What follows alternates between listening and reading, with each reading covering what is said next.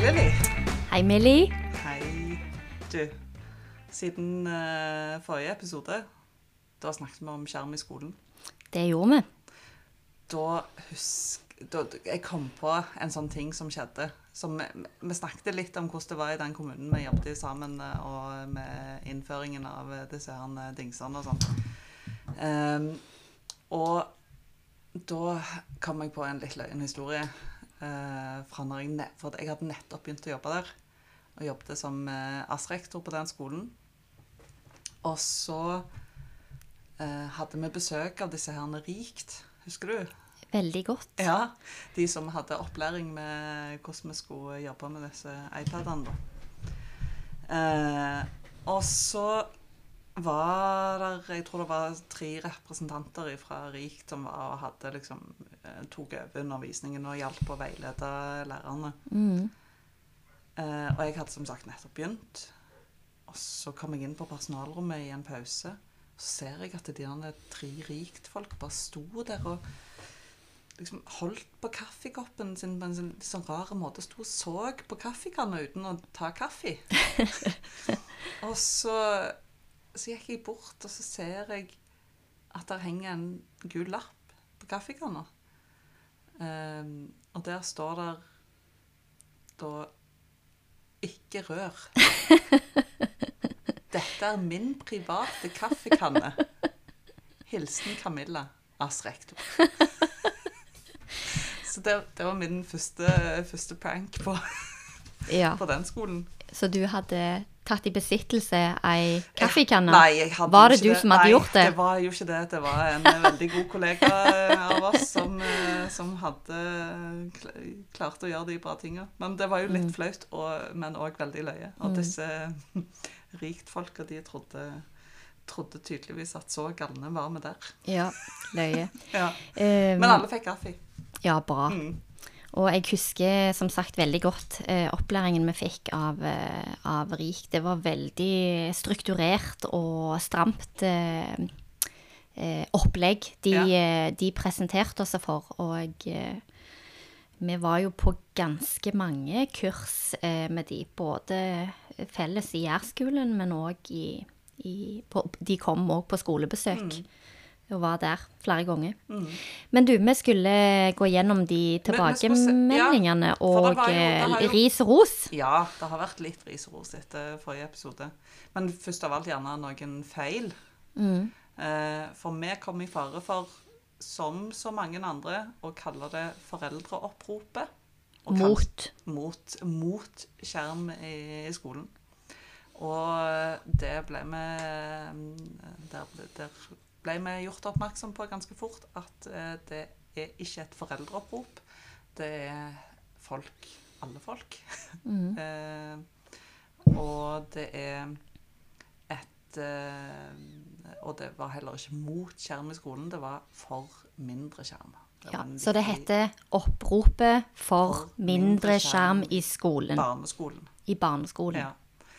Så da tror jeg det er helt riktig nå. Ja. Ja. Eh, og vi har eh, Vi hadde noen eh, feil til. fordi at jeg sa jo at eh, å kjøldøve var et nyord, men det er det ikke. Det er visstnok noe man sier om, dør, eh, om dyr som man ikke vet hvorfor er døde, f.eks. Da sier man at de har kjøldøve. ja. Så, ja. Så det var ikke et nyord. Det var en grei oppklaring. Ja. Og så var det dette med eh, YouTube. Ja, reklame på YouTube. Mm. For der eh, sa du at det mente du at det var, selv om det eh, var en sånn Google for Education-lisens, men det Hvis ting er gjort riktig der, så skal det ikke være reklame på YouTube når man har en Ja. Google for Education. Så da, må, da legger jeg meg i så fall flat, for det enten har jeg brukt det feil. Vi legger oss flat begge to, gjør? Ja, det kan vi gjøre. Ja. Men til mitt forsvar så vil jeg bare forklare min Ja. YouTube-prosedyre. Ja. Og det er for å unngå i den tiden når jeg var lærer, og der var YouTube-reklame på Chromebooken som jeg hadde blitt tildelt av den kommunen jeg jobbet i, så drog jeg ut kontrakten og skrudde av lyden.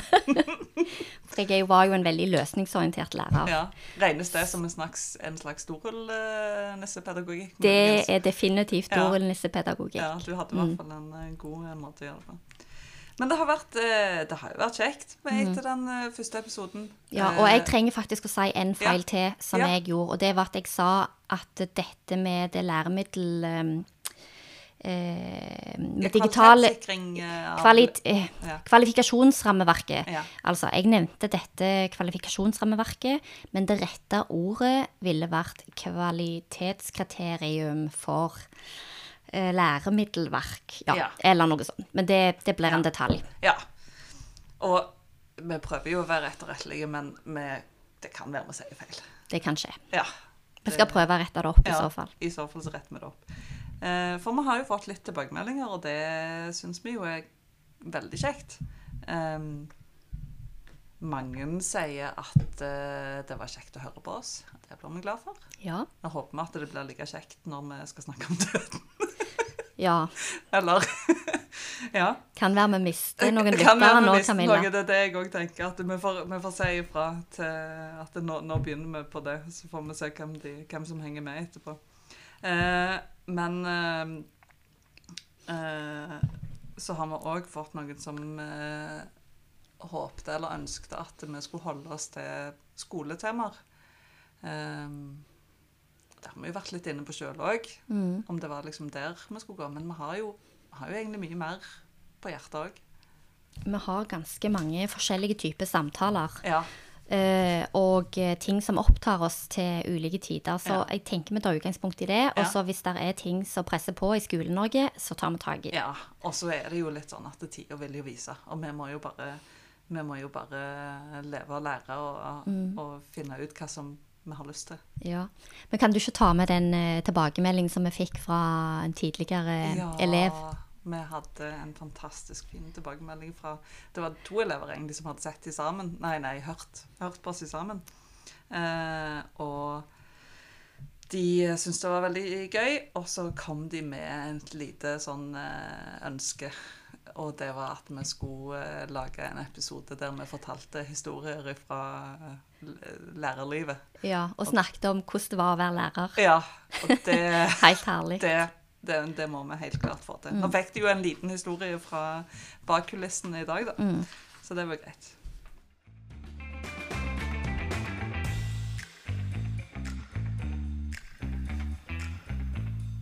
Men nå, Ja, da skal vi over på døden. det må vi. Ja, det, blir, det kan bli bekmørkt. Det kan det.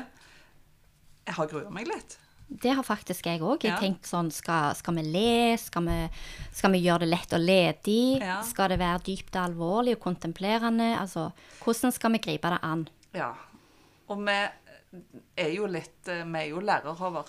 Så Ja. vi, vi, vi tenker at det, vi bryter det ned og har noen sånne Mm. Tenker litt hva eh, Hvordan har vi lyst til å prøve, prøve å være litt eh, faktiske og fabulerende, kanskje. Ja. Og så er det så lett altså, å tenke ut ifra eh, de der didaktiske grunnspørsmålene. Ja. Hva, hvorfor, hvordan. Ja. Sant? Det blir veldig metodisk med en gang. Det gjør det. Og det, døden fortjener gjerne noe større og bedre enn det, men, men nå, nå, er, nå, Det er ligger, sånn vi er. nå ligger døden på vårt bord. Så nå, nå, er det vi som skal få dissekere den. Eh, Det Sånn som vi vil. Mm. Eh, og ja, hvordan har du forberedt deg på dette da, Lillian? Det er jo som, litt som jeg sa, de didaktiske grunnspørsmålene. Men så Mm. har jeg prøvd å utvide det litt, så da har jeg tenkt sånn Hvor mange spørreord har vi egentlig? Vi har sånn hvem, Ja. hva, Ja. hvorfor, hvordan eh, Hva har jeg glemt nå? Eh, har, jeg, har vi bare fire? Nei, hvem var hvor? Hvor Hvor? har jeg hatt oi, en? ja, hvor, hvor, dør man? Hvor dør folk? Ja, så da, og hvis du skal begynne å svare, så er det sånn Hvem dør? Alle. Eller alt som lever. Eh, hvor dør man? Mm. Det kan være De fleste dør sikkert i senga. Det Jeg håper det. skulle vi hatt noe statistikk på. Jeg vet ikke. Nei, Ja. det vet man ikke. Men vi er jo ikke en sånn podkast som Det- refererer statistikk. Eller? Nei, det gjør vi ikke. Men jeg tenker sånn Det er en det gir meg litt trøst å tenke på Ja. at de fleste dør i senga, Ja, faktisk. jeg Så hvis du hadde sagt det. sånn 'de fleste dør i krig, sult Ja. og elendighet', Ja, det er verre. Ja, Så hvis vi bare vi sier sånn 'de fleste dør i senga', ja, vi håper det. mm. Ja, i hvert fall. For, Så hvordan ja. har du Ja, OK. Ja, nei, hvordan jeg har forberedt meg? Ja, nei, jeg har hatt store planer om at jeg skulle skrive ned noen gode spørsmål og, og um, notere masse tanker om, om døden. Men det har liksom endt opp med at jeg eh, hver gang jeg kommer på at ja, nå skal vi snart spille inn den episoden om døden, så har jeg tenkt litt på hva jeg har jeg lyst til å si da. Og så håper jeg at jeg husker mesteparten ennå. Ja. Så det er vel eh, ja. Samme her. Um, og jeg har prøvd å og spørre eh, litt sånn rundt omkring. Um, ikke, altså, du kan ikke spørre hvem som helst, men Nei. man kan spørre f.eks. familiemedlemmene sine. Sånn, hva tanker har du om, om døden? Eller, eller f.eks. tenker du på denne steinen her som levende eller død? Altså, man, kan, eh, man kan gjøre sånne ting. Og eh, et av de spørsmålene jeg stilte til eh, min kjære, det var om, han, om glass. Om han tenkte på glass som levende eller dødt. Og så hadde jeg sett for meg han kom til å si at det var dødt. Mm. For det er Eh, jo uorganisk. Ja. Eh, men han sa at han så på glass som levende fordi at det var eh, opprinnelig flytende og i bevegelse, og altså noe som kunne endre seg. Altså det hadde en sånn foranderlig karakter. Mm. Så da gikk den planen min litt i vasken med at Ja. glass var dødt. Ja. For jeg kunne snakket veldig lenge om glass. Ja. Eh, Så da tenker han på en måte som, på døden som noe som ikke lenger kan være i bevegelse. Noe som er statisk og um, ikke og da, da Naturfagslæreren min har jo veldig lyst til å begynne å snakke om definisjonen av hva som er levende. Ja, og det kan du få gjøre, men jeg vil bare si at eh, grunnen til at han sa eh, Han kom med et eksempel, og det var dette med de gamle vinduene som de hadde i gamle dager, der du kan se at glasset er tjukkere nederst. At det er Og da sa han da er det akkurat som om det har levd mens det har eksistert. Jeg syns det var fint sagt. Det det. Men ja, naturfagslæreren. Ja, Naturfagslæreren har veldig lyst til å snakke om kriteriene for, eh, for hva som er levende, men det er jo egentlig døden vi skal snakke om, da. Men men for at noe skal være levende, så må det ha celler som formerer seg. Um, og det må eh, kunne formere seg og ha et, et ønske, er veldig feil å si, men, men alle levende ting formerer seg. Og um, det har et stoffskifte. Og så er det jo sånn at det, ofte så tenker man på at alt som er organisk, er levende, men det er ikke levende. Men det har kommet ifra noe levende, som regel. Så det er jo en eh, Alle uorganiske ting er døde og har alltid vært døde. Um, og når det gjelder mennesker, så sier man at man er død når hjernen har vært død um, et, sånn gitt antall minutter eller noe. Hvis man er ikke død hvis hjertet stopper, men hjernen fortsatt fungerer. Men man er død hvis hjernen har stoppa og hjertet fortsatt fungerer. Så det er den juridiske definisjonen på å være død. Ja, det mener jeg at det handler om hjernedød. Og den kommer jo sikkert fra en naturfaglig eller en sånn eh, eller en vitenskapelig eller medisinsk. Ja. Jeg syns jo det er interessant det du sier, at eh, ja, altså når man begynner å snakke om livet men, men det går jo nesten ikke an å snakke om døden uten å snakke om livet. Det gjør ikke det. Og jeg eh, eh, kom over Eller jeg leste en eh, eh, artikkel om en eh, begravelsesagent. Ja. Heter det det? Agent? Ja, jeg tror det Ja. heter det. Uh, og han, uh, svar, han svarte på spørsmål fra de unge uh, på TikTok. Ja. Og jeg kommer til han, men jeg er bare en liten avstikker. For eh, da prøvde jeg å, å google blogg, begravelsesagent, Ja. sånn for å finne ut er det noen som Blogger som om det. blogger om dette. Eh, og da kom jeg uh, over ei, ei dame som uh, snakker om dette med døden og livet på denne måten. Hun sier jeg er gravferdskonsulent og jobber med døden. Slik er det i alle fall det blir fremstilt, at vi jobber med døden. Selv ser jeg det på en litt annen måte. Jeg opplever at jeg jobber med livet. Livet når det er på sitt mest intense og smertefulle, når det viser seg fra sin verste side. Og det er sånn hun innleder uh, dette her på en blogginnlegget som er fra uh, kvinnedagen 2016. Min hverdag som gravferdskonsulent. Oi. Hun jobber med livet. Ja. Og hun, jobber, hun sier senere her da, at hun jobber med, med mennesker i sorg, da, først og fremst. Sant? For folk spør gjerne sånn Hvordan er det å jobbe med døden? ja. Og så svarer hun jeg jobber med mennesker i sorg. Ja. For det er jo menneskene hun først og fremst jobber med. Og livet på sitt mest intense, det syns jeg var ganske treffende. Ja. Mm. Så ganske ja, flott å lese.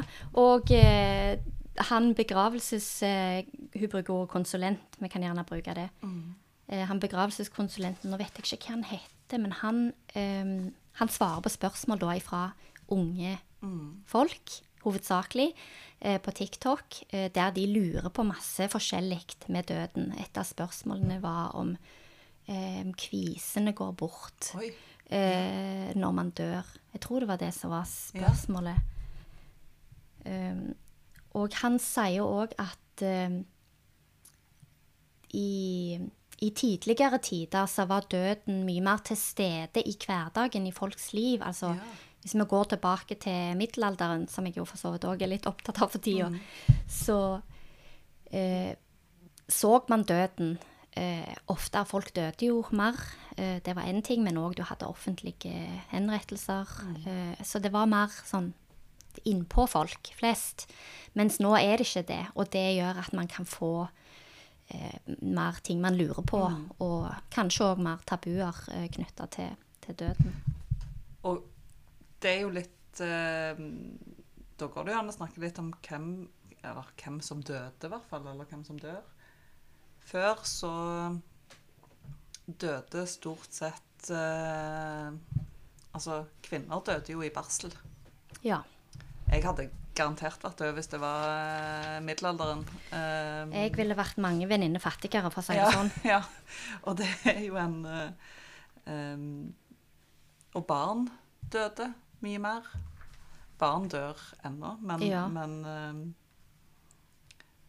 men nå, nå tenker vi mest at eh, Igjen heldigvis at eh, når man blir gammel, så dør man. Mm. Mm. Han begravelsesagenten han heter Tor Håkon Håvardsen, og det står at han har 20 000 følgere på TikTok. At han svarer på veldig mange uvanlige typer spørsmål. Eh, og jeg skal se om jeg finner noen av de spørsmålene som han har fått her. Jo. Eh, her er noen av spørsmålene Tor Håkon har fått av sine tilhengere på TikTok. Hvordan formulerer presten seg dersom den som er død, var en drittsekk? Oi. Ble man gravlagt på utsiden av kirkegården om man tok livet av seg i gamle dager?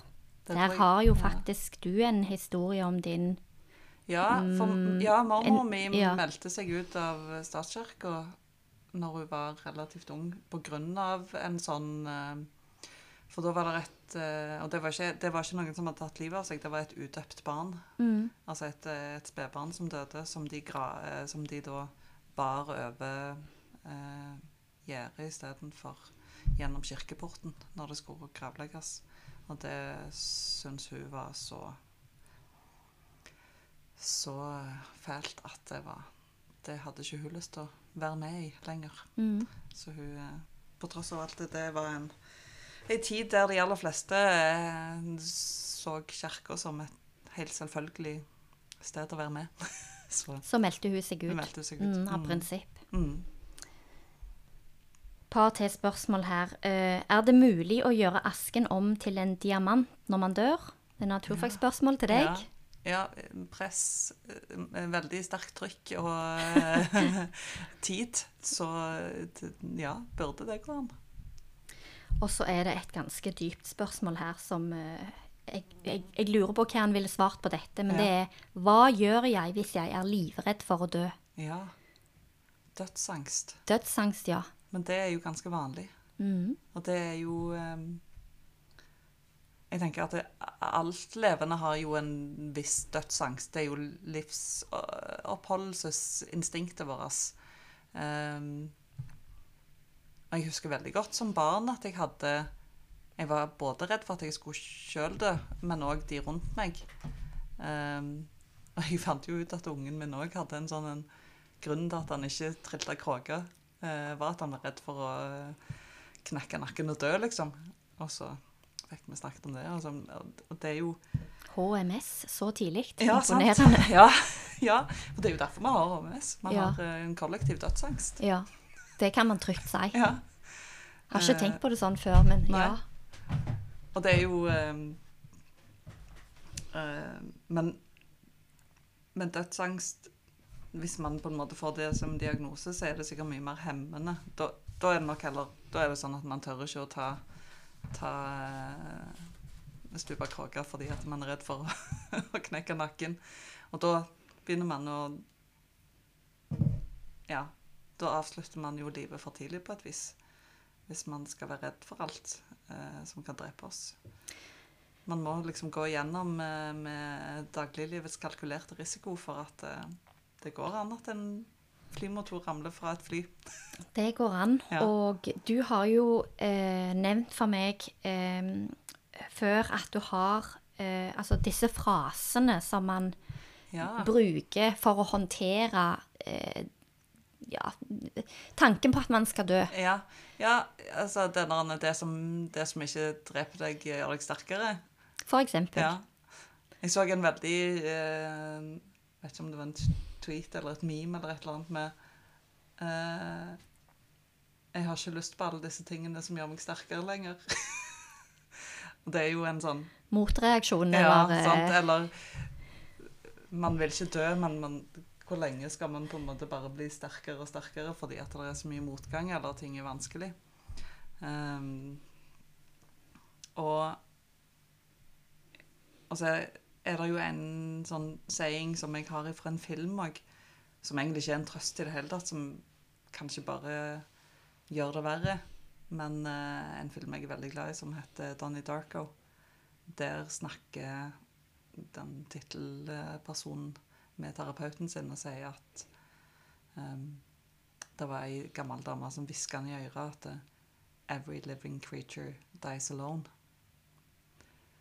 Og det tenker jeg jo òg er en sånn en Døden er nok ensom. Um, samtidig, når jeg har tenkt på det, så har jeg òg tenkt på alle historiene jeg har hørt om folk som de ligger på dødsleiet, og det siste ordet de sier, det er 'mamma'. hmm, Mm. mm, Har du òg hørt det? Nei, Nei? jeg har ikke hørt det. Nei?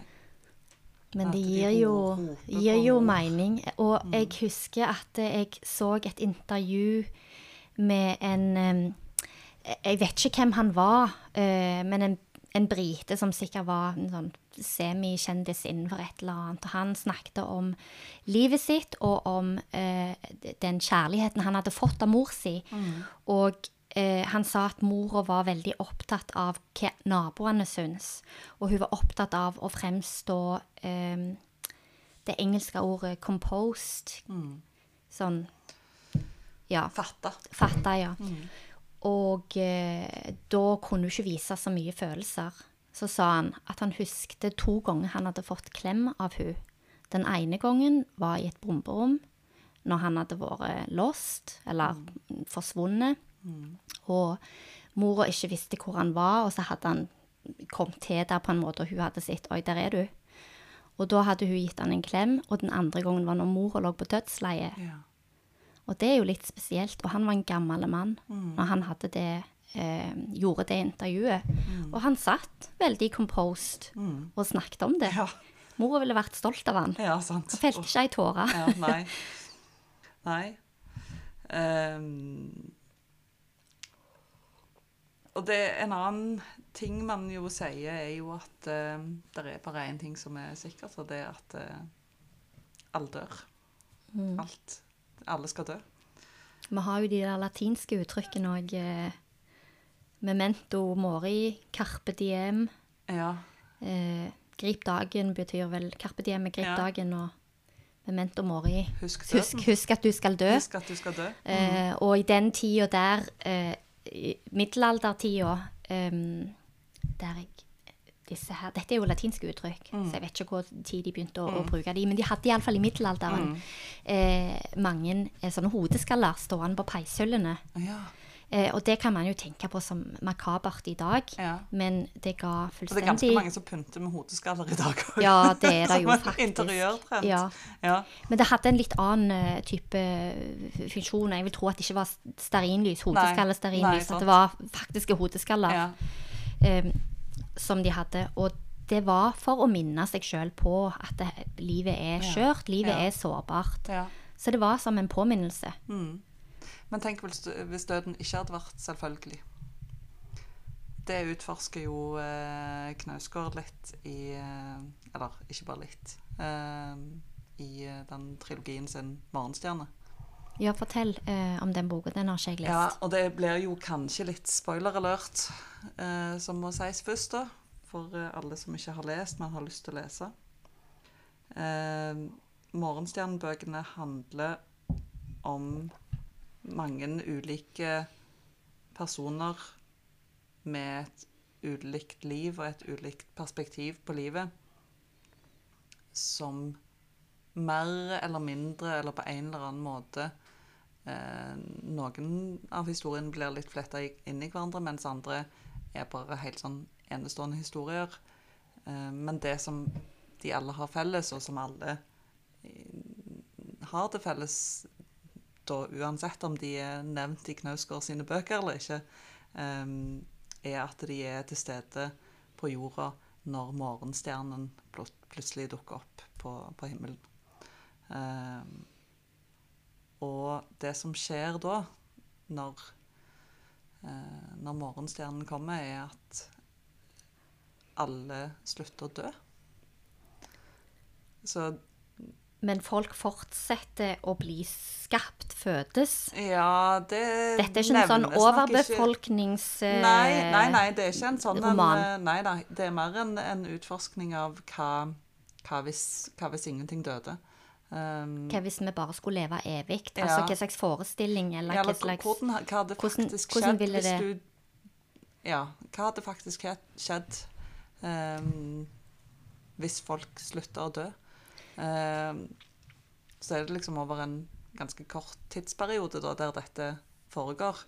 Men det er jo eh, veldig mye spennende utforsking i dette, og det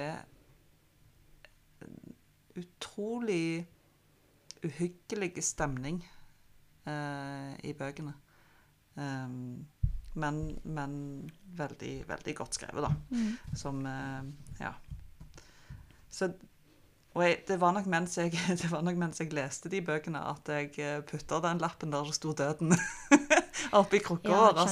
Fordi at det var veldig Det var en Mm. veldig sånn Det var en eh, skjellsettende opplevelse, egentlig, å lese de og Mm. tenke, tenke alle de tankene. Mm. Og så er det jo Altså Litt sånn science fiction-nerden i meg er jo òg Er døden selvfølgelig for alltid? Altså, går det an å få evig liv etter hvert? At da blir det sånn transhumanisme og Det, ja, og ja, gen, eh, genredigering og alt det i en her. helt annen retning. En helt annen retning, men det er i hvert fall en eh, Det går jo an å Men det, det blir jo òg da i det eh, perspektivet både med Altså litt naturfagslæren igjen, altså hvorfor, hvorfor må vi dø? Og det er jo det, Dette er jo the circle of life. Ja, det Det, går ikke an at evig eh, kretsløp. Ja, et evig kretsløp, og ikke evig eksponentiell vekst. Nei, det er det ikke. Nei. Eller han Knausgård Jeg har ikke lest så veldig mye av han. eh, men eh, i de mi, eh, Min Kamp-bøkene mm. så er serien bygd opp på mange måter rundt en død person. Eh, Den første boka handler, Bare den første? Den handler i, stor grad om, eh, om eh, Om en, fravær, om en far Ja, som ikke lenger Ja, om hvordan han Ja. Så det er ikke et tilbakevendende tema i de andre bøkene. Jeg ville ikke sagt det, nei. Men, Jeg husker at jeg eh, leste en scene i en av de Min, uh, min Kamp-bøkene der han uh, liksom, Denne karakteren i boka reflekterer rundt eh, disse eh, rommene hvor de oppbeholder likene. Ja. At de er ofte nede i kjellerne. Ja. Eh, og eh, jeg husker at jeg hørte det på lydbok når jeg kjørte bil, at det var veldig mye beskrivelser Mm. om eh, eh, og tanker rundt hvorfor var de i kjelleren. Ja. Hvorfor var de ikke i øverste etasje? Mm. Ja, men det er jo noe altså, Mennesker har jo begravd sine døde, eller vunnet de liksom i alle tider. Um, og det, det er jo det, det handler jo både om dette det kretsløpet, men, men eh, det Der er òg noe med ehm, Åh, nå mista jeg tråden. Det var noe jeg skulle si med, med begrav... Ja. For det òg er jo en, en litt eh, sånn ekkel tanke. Jeg hørte at man har gjort en undersøkelse av norske gravlunder og funnet ut at likene ikke eh, råtner skikkelig, fordi at det er altfor mange som har blitt begravd i leire. OK. Sånn at De blir bevart. de blir bevart istedenfor å, istedenfor å, å komme tilbake i dette kretsløpet sånn helt fullt og helt. Det er jo fascinerende, fordi at når man skal si noe om døden for veldig, veldig veldig lenge siden, Så er man jo så er man avhengig av at avhengig av Ja, at de har blitt ja. begravd i myrer og leirer og eh, og Så om mange hundre år når man skal se på, se på nåtida, så kan vi si at ja, de gjorde feil når de valgte ja. gravlunder. Mm. Eller kanskje Feil- de gjorde det helt bevisst, med tanke på liksom Ja, om tusen 1000 år, så Ja. kan man se på hva slags sykdommer de hadde da, eller hva de spiste, og Ja, ja, ja. Ja, for det er jo eh, Det er jo um, Det er jo uh, litt interessant å se på hva hvordan man, man gjorde ting før i tida. Noen ganger så kan man jo se på gamle graver hva man gjorde for å Altså tenke på disse vikinggravene og sånn at man ble begravd sammen med, med sitt jordiske gods fordi at man skulle ha det med seg i det neste livet, eller sånne ting. Men så var det jo noen man har funnet som man ikke klarer å si så mye om. Um, vikingene hadde jo eh, Altså på grunn av at de hadde tingene med seg i graven i Mm. f.eks. vikingtid og bronsealderen, så kan man jo si mye mer om de periodene òg. ja, sant. Eh, I tillegg til at de jo òg er, er nyere. Men sånn som på, på min arbeidsplass, der har vi jo en historisk utstilling Ja. med et eh, barn som eh, døde i eh, rett etter istiden, altså i steinalderen, gammel steinalder. Eh, som ble, altså, og da fant de et veldig godt bevart skjelett inni ei håle ut forbi Stavanger. Eh, de fant dette skjelettet på begynnelsen av 1900-tallet, og så har man først eh, nå i nyere tid, med hjelp av mer moderne teknologi, funnet ut mer om dette skjelettet. ja. Eksempel, først visste man ikke om det var en gutt, eller om det var en jente, alder, eh, sånne ting. Men nå kan de si at det var en gutt på ca. 14 år, eh, som, som, som døde alene i ei håle. Og ja, det er et sånn godt bevart skjelett. Jeg vet ikke om du vet noe om, om det der han, eh, det han ble begravd i. Altså det som på en måte gjorde at skjelettet ble bevart. Ja, var, var ikke det litt sånn torv?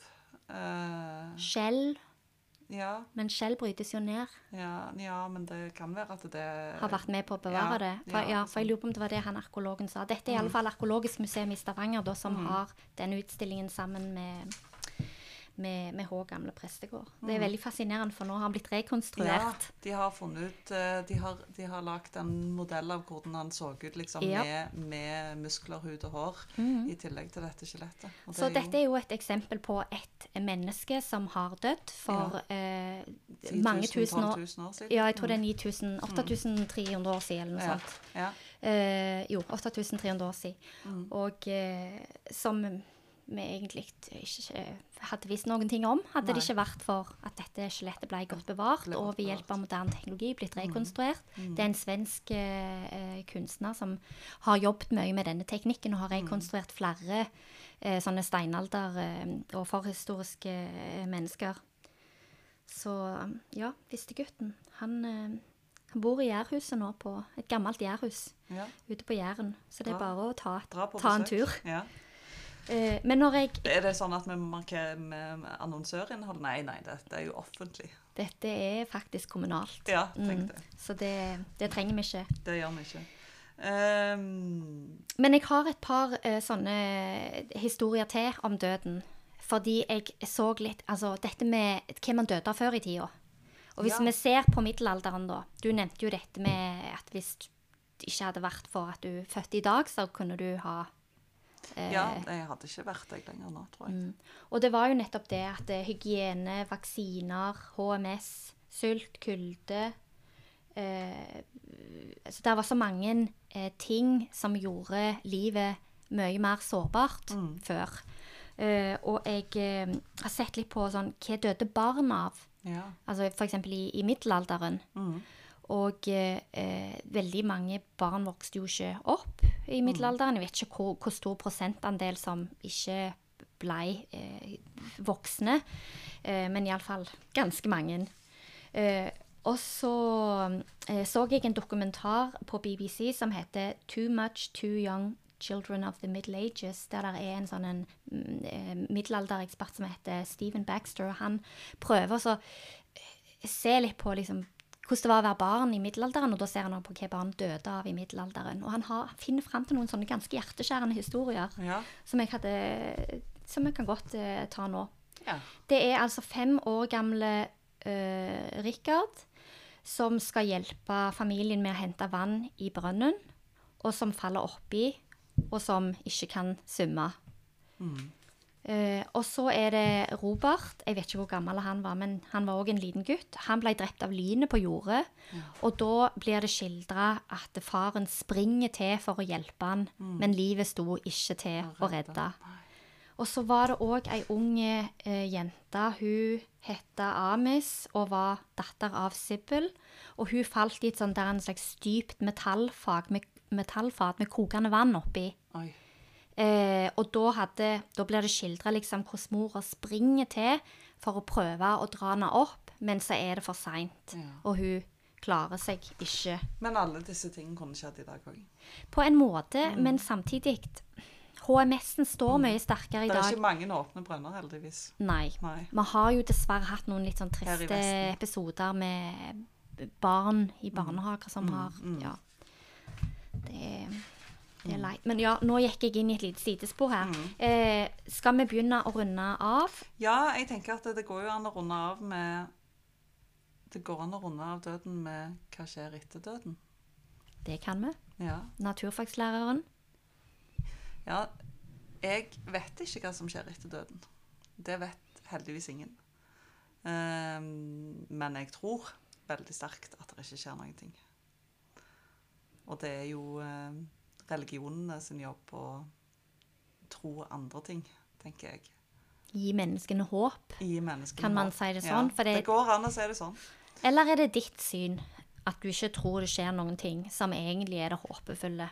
Hvis du skulle definert Ja, jeg hva, som der, hva slags eh, anskuelse der er mest håp i? Min anskuelse i hvert fall er at hvis det å få noe etter døden innebærer masse leveregler eller eh, måter jeg må være på, eller ting jeg må forholde meg til i dette livet her, så er ikke jeg villig til å ta sjansen. I hvert fall. Det, det er bedre med den eh, ene fuglen i hånda enn eh, ti på taket. Jeg vet hva jeg har. Vet ikke hva vi får. Jeg kom faktisk til å tenke på boka 'Udødeligheten' av eh, Milan Kundera. Ja. Der, eh, der beskriver han eh, hvordan eh, eh, liksom, man blir foreviget i kraft av at man eh, er i minnene til etterkommerne på en eller annen måte. Og det kan jo være fordi noen var glad i oss sant? Og, og husker oss. Eh, og så er man i det minnet helt til alle som på en eller annen måte husker oss, ikke lenger husker oss. Men så har du òg gjennom historiebøkene, gjennom kunst, gjennom eh, ja, ting som du har utmerka deg på. Eller eksempel sånn som Vistegutten. Nå har han riktignok ikke vært i noens minne i mange tusen år, men plutselig så har han blitt udødelig. Mm. Rett og slett. Så på en måte så er livet etter døden i hvert fall i minnene Ja, til folk. det var en fin Det avslutning. var en fin avslutning. Ja. Og neste gang, som blir siste episoden før vi tar en sommerferie, ja. da eh, skal vi Vi sa jo egentlig at vi skulle snakke om både Døden og høstutstillingen denne gangen, men det ble litt, eh, det ble litt søkt. Det ble, det ble litt rotete. Ja, det det var vanskelig det. nok å snakke bare om døden. Det var altså, egentlig det. Samle alle trådene om Ja. døden, og vi, Ja, så vi delte det opp. vi gjorde det. Sånn at neste gang så blir det høstutstillingen. Initial thoughts på det. Å, jeg kom på Vi fikk en tilbakemelding om å ikke bruke engelske uttrykk. Ja, jeg husker det. Ja. Det var derfor jeg sleit litt når jeg sa eh, Ja. Eh, Vi skal, prøve, det skal være enda bedre neste gang. Høstutstillingen, da skal det være ingen engelske ord.